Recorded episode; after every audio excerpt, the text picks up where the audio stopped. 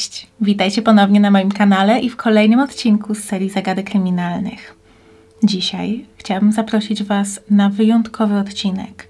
Nie tylko dlatego, że przedstawię w nim naprawdę niesamowitą sprawę z jednym z najbardziej niewiarygodnych zwrotów akcji, ale także dlatego, że dzisiaj postanowiłam zjednoczyć siły z Moniką z kanału Kryminalne Historie i przedstawić Wam dwie sprawy związane z catfishingiem. Zawieranie znajomości i związków przez internet jest coraz częstsze i niestety trzeba bardzo uważać na osoby, które nie są tym, za kogo się podają. Warto więc ku przestrodze poznawać prawdziwe przypadki zagrożeń, które mogą się z tym wiązać. Dlatego też ja dzisiaj chciałam przedstawić Wam sprawę trójkąta miłosnego, w którym catfishing odegrał główną rolę a zaraz po tym odcinku na kanale Moniki będziecie mogli posłuchać o sprawie Austina Lee Edwardsa. Jest to szokująca historia, w której catfishem i zabójcą okazała się być osoba, której obowiązkiem jest nie tylko przestrzeganie prawa, ale także egzekwowanie go od innych osób. Odcinek Moniki możecie obejrzeć zaraz po moim i link oczywiście znajdziecie w opisie. A jeśli teraz chcielibyście poznać sprawę Carrie Farver, to zapraszam Was do oglądania. Carrie urodziła się 30 listopada 1974 roku i przez całe życie mieszkała w mieście Ohama w stanie Nebraska. Zdaniem najbliższych, Carrie była pełną energii, towarzyską, inteligentną i ciepłą kobietą. Jednak jej życie nie zawsze było beztroskie. Gdy była dzieckiem, jej rodzice rozwiedli się i Carrie była wychowywana przez mamę. Łączyła jej jednak bardzo głęboka więź i były najlepszymi przyjaciółkami. Carrie, gdy dorosła, zaczęła interesować się informatyką i matematyką i postanowiła zostać programistką. W wieku 22 lat, w 1996 roku, urodziła syna, Maxa, ale niestety związek z ojcem dziecka nie przetrwał próby czasu i kobieta wychowywała synka sama. Kilka lat po urodzeniu syna u Kerry zdiagnozowano depresję. Z czasem jednak okazało się, że ta początkowa diagnoza była błędna i tak naprawdę kobieta cierpiała na chorobę afektywną dwubiegunową. Pozostawała pod opieką lekarzy i przyjmowała leki, przez co do 2012 roku jej stan praktycznie całkowicie się unormował. Wreszcie wydawało się, że wszystko zaczyna układać się po myśli 37-latki. Jej stan psychiczny był lepszy niż kiedykolwiek do tej pory. Udało jej się zdobyć dobrą pracę w dużej firmie, a jej syn zaczął naukę w liceum i jesienią 2012 roku Carrie musiała oddać swój samochód do warsztatu. I tam poznała pracownika tego warsztatu, 35-letniego Dave'a Krupę. Między nimi od razu zaiskrzyło i kilka dni później Dave odnalazł Carrie na portalu randkowym i postanowili się spotkać. Po randce mężczyzna zaprosił 37-latkę do swojego mieszkania, jednak niestety ten wieczór nie przebiegł po ich myśli, ponieważ okazało się, że była partnerka Dave'a, Shana Goliar, która posługiwała się imieniem Liz, przyjechała wtedy akurat odebrać swoje rzeczy. Sytuacja była dość niezręczna, ale nie przeszkodziło to Dave'owi i Carrie w kontynuowaniu budowania relacji. We wtorek, 13 listopada 2012 roku, dwa tygodnie po pierwszej randce, Carrie niespodziewanie jednak wysłała mężczyźnie wiadomość, w której zaproponowała mu wspólne zamieszkanie. Dave był bardzo zaskoczony tą propozycją, ponieważ wcześniej rozmawiali już na ten temat i wydawało się, że doszli do porozumienia i oboje nie chcą na razie aż tak się angażować. Odpowiedział więc, że jest na to trochę za wcześnie, ale że bardzo chętnie porozmawia o tym twarzą w twarz na kolejnym spotkaniu. Niespodziewanie jednak Kerry odebrała tę wiadomość bardzo negatywnie i odpowiedziała szeregiem pełnych żalu i nienawiści, wiadomości, w których powiedziała, że nienawidzi mężczyznę, że jest on okropnym człowiekiem i zniszczył jej życie. Jak można się domyślać, 35-latek był zszokowany taką reakcją partnerki. Po pierwsze, wcześniej nic nie wskazywało na to, że Kerry może aż tak zależeć na wspólnym zamieszkaniu oraz nie wykazywała też żadnych podobnych agresywnych zachowań. W ciągu kolejnych kilku dni Dave otrzymał jeszcze wiele kolejnych podobnych SMS-ów i maili, aż w końcu Kerry napisała, że nie chce go znać i nigdy więcej widzieć, i między nimi koniec. Mężczyzna był zaskoczony i nie mógł zrozumieć, jak mógł tak bardzo pomylić się co do kobiety, która wcześniej wydawała się bardzo sympatyczna i ciepła. Ze spokojem przyjął jednak wiadomość o zakończeniu tej relacji, ponieważ po tym, co się wydarzyło, sam nie chciał już mieć nic wspólnego z 37-latką. Postanowił całkowicie się od niej odciąć i nawet zdecydował się zmienić numer telefonu, żeby uwolnić się od wiadomości. Niestety, kolejne nienawistne SMSy wciąż przychodziły nawet na jego nowy numer i w sumie mężczyzna musiał go zmieniać jeszcze kilkukrotnie. Z czasem w wiadomościach Kerry zaczęła obrażać także byłą dziewczynę Dave'a, Liz, którą widziała tylko raz przelotnie kilka tygodni wcześniej. Sama Liz również wkrótce zaczęła otrzymywać podobne SMSy, choć nie miała pojęcia, skąd Kerry ma jej numer i czego może od niej chcieć. Poinformowała byłego partnera o tym, że jego nowa dziewczyna zaczęła ją prześladować i z czasem, ponieważ oboje otrzymywali dziesiątki wiadomości od Kerry dziennie, bardzo się do siebie zbliżyli i ta niefortunna sytuacja doprowadziła do tego, że znów zaczęli się ze sobą spotykać. Mniej więcej w tym samym czasie Kerry wysłała również wiadomość do swojej mamy, Nancy, i powiedziała, że postanowiła porzucić swoje dotychczasowe życie i przeprowadzić się do stanu Kansas. Później podobne wiadomości otrzymało także kilku znajomych Kerry oraz innych członków rodziny. Było to bardzo nagłe i zaskakujące, Zwłaszcza, że było to też niesamowicie niepodobne do spokojnej Kerry, którą wszyscy znali od lat. Nie było jednak podstaw, żeby sądzić, że cokolwiek jest nie tak i te wiadomości nie są prawdziwe, dlatego postanowiono po prostu zaakceptować i uszanować jej decyzję. Nikt nie sądził jednak, że kobieta całkowicie zerwie kontakty ze swoimi najbliższymi i gdy nie pojawiła się na ślubie swojego przyrodniego brata, postanowiono zgłosić zaginięcie na policję. Lokalny posterunek przyjął zgłoszenie, jednak nie wszczęto żadnego śledztwa, ponieważ wszystko wskazywało na to, że kobieta po prostu dobrowolnie wyjechała, do czego jako dorosła osoba miała pełne prawo. Policjanci powiedzieli nawet matce zaginionej, że osoby cierpiące na chorobę afektywną dwubiegunową częściej niż inni opuszczają domy i zrywają kontakty ze wszystkimi w swojej przeszłości. Kelly nie zerwała jednak całkowicie kontaktów, ponieważ Dave nadal otrzymywał od niej mnóstwo wiadomości.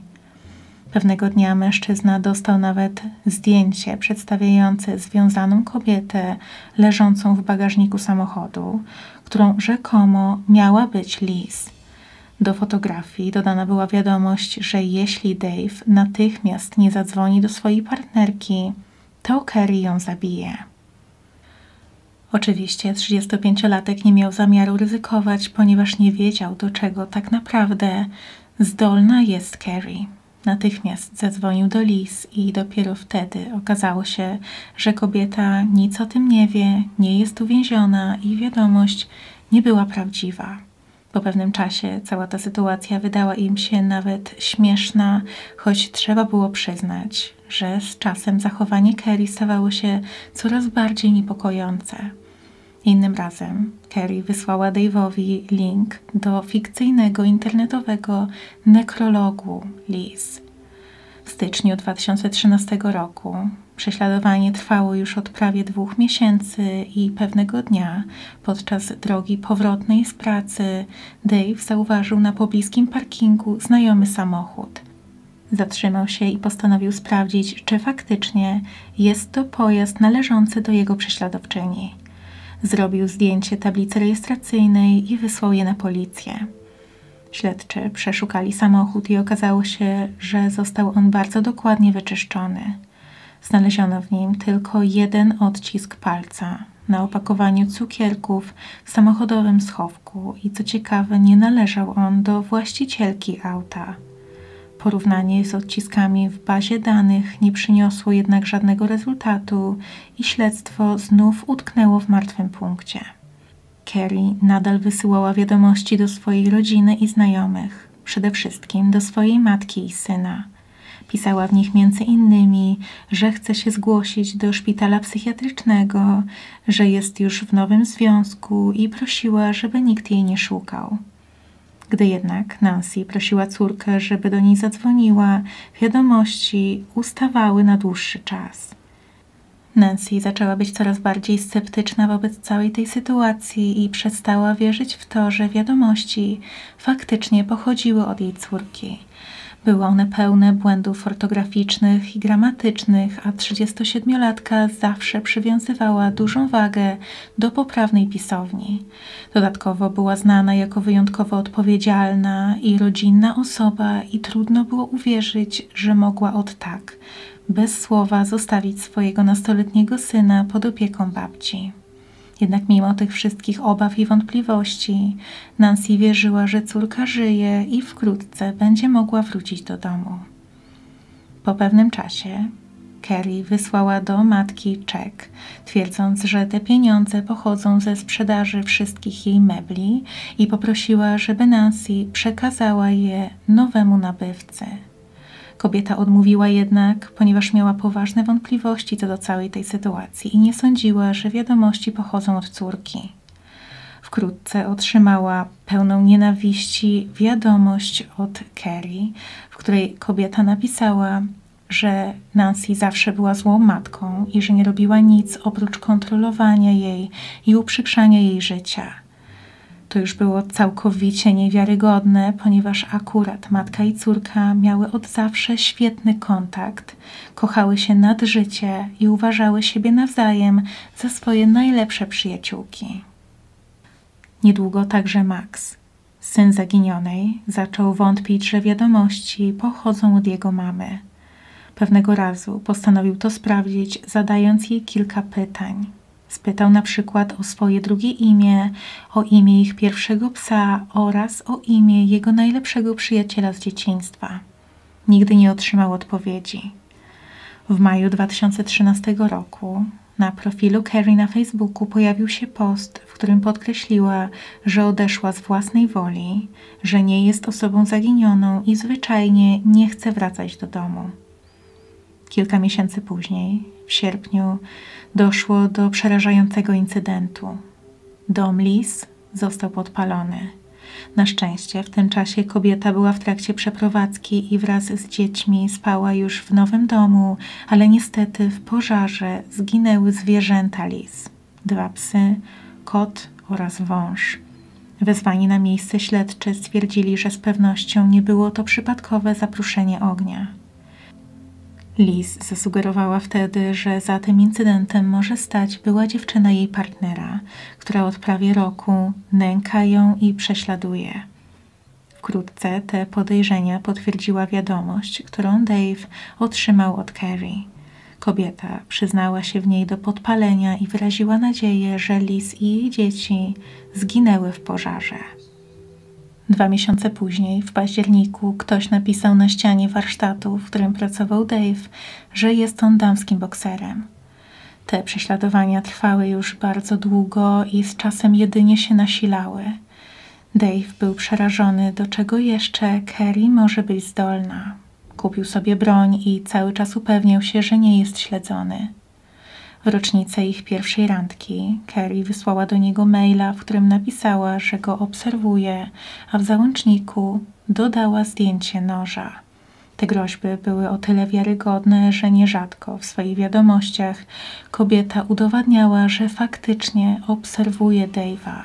Pisała na przykład dokładnie, gdzie danego dnia się pojawiał oraz co miał na sobie. Dave i Liz wielokrotnie zgłaszali to prześladowanie na policję, jednak śledczy, mimo ogromnych wysiłków, nie byli w stanie zlokalizować stalkerki. Dopiero wiosną 2015 roku sprawę przejął nowy zespół śledczych, któremu szybko udało się ustalić, że poszukiwana nie korzystała ze swojej karty i konta bankowego od dnia zaginięcia. Prześledzono wszystkie wiadomości, które wysyłała oraz przyjrzano się czekowi, który przekazała swojej matce. I tam uwagę śledczych przykuł jeden bardzo zaskakujący szczegół. Czek został wystawiony przez Shannę Elizabeth Goliar, czyli Liz, partnerkę Dave'a. Policjanci postanowili pobrać zawartość telefonów Dave'a i Liz. Początkowym celem było sprawdzenie, czy będą w stanie zlokalizować miejsce, z którego Kerry wysyłała wiadomości. Na telefonie mężczyzny nie znaleziono nic, co mogłoby pomóc w śledztwie, jednak na komórce Liz, ku zaskoczeniu wszystkich, znajdowało się zdjęcie samochodu Kerry zrobione w grudniu 2012 roku, czyli miesiąc przed tym, jak Dave odnalazł pojazd i poinformował o tym policję. Zaczęto zastanawiać się, skąd ofiara wiedziała o lokalizacji auta prześladowczyni i czemu nikomu o tym nie powiedziała. Liz twierdziła, że nigdy nie rozmawiała z Kerry i tak naprawdę jej nie znała. Jednak dalsza analiza jej telefonu wykazała, że sześciokrotnie dzwoniła do zaginionej z zastrzeżonego numeru.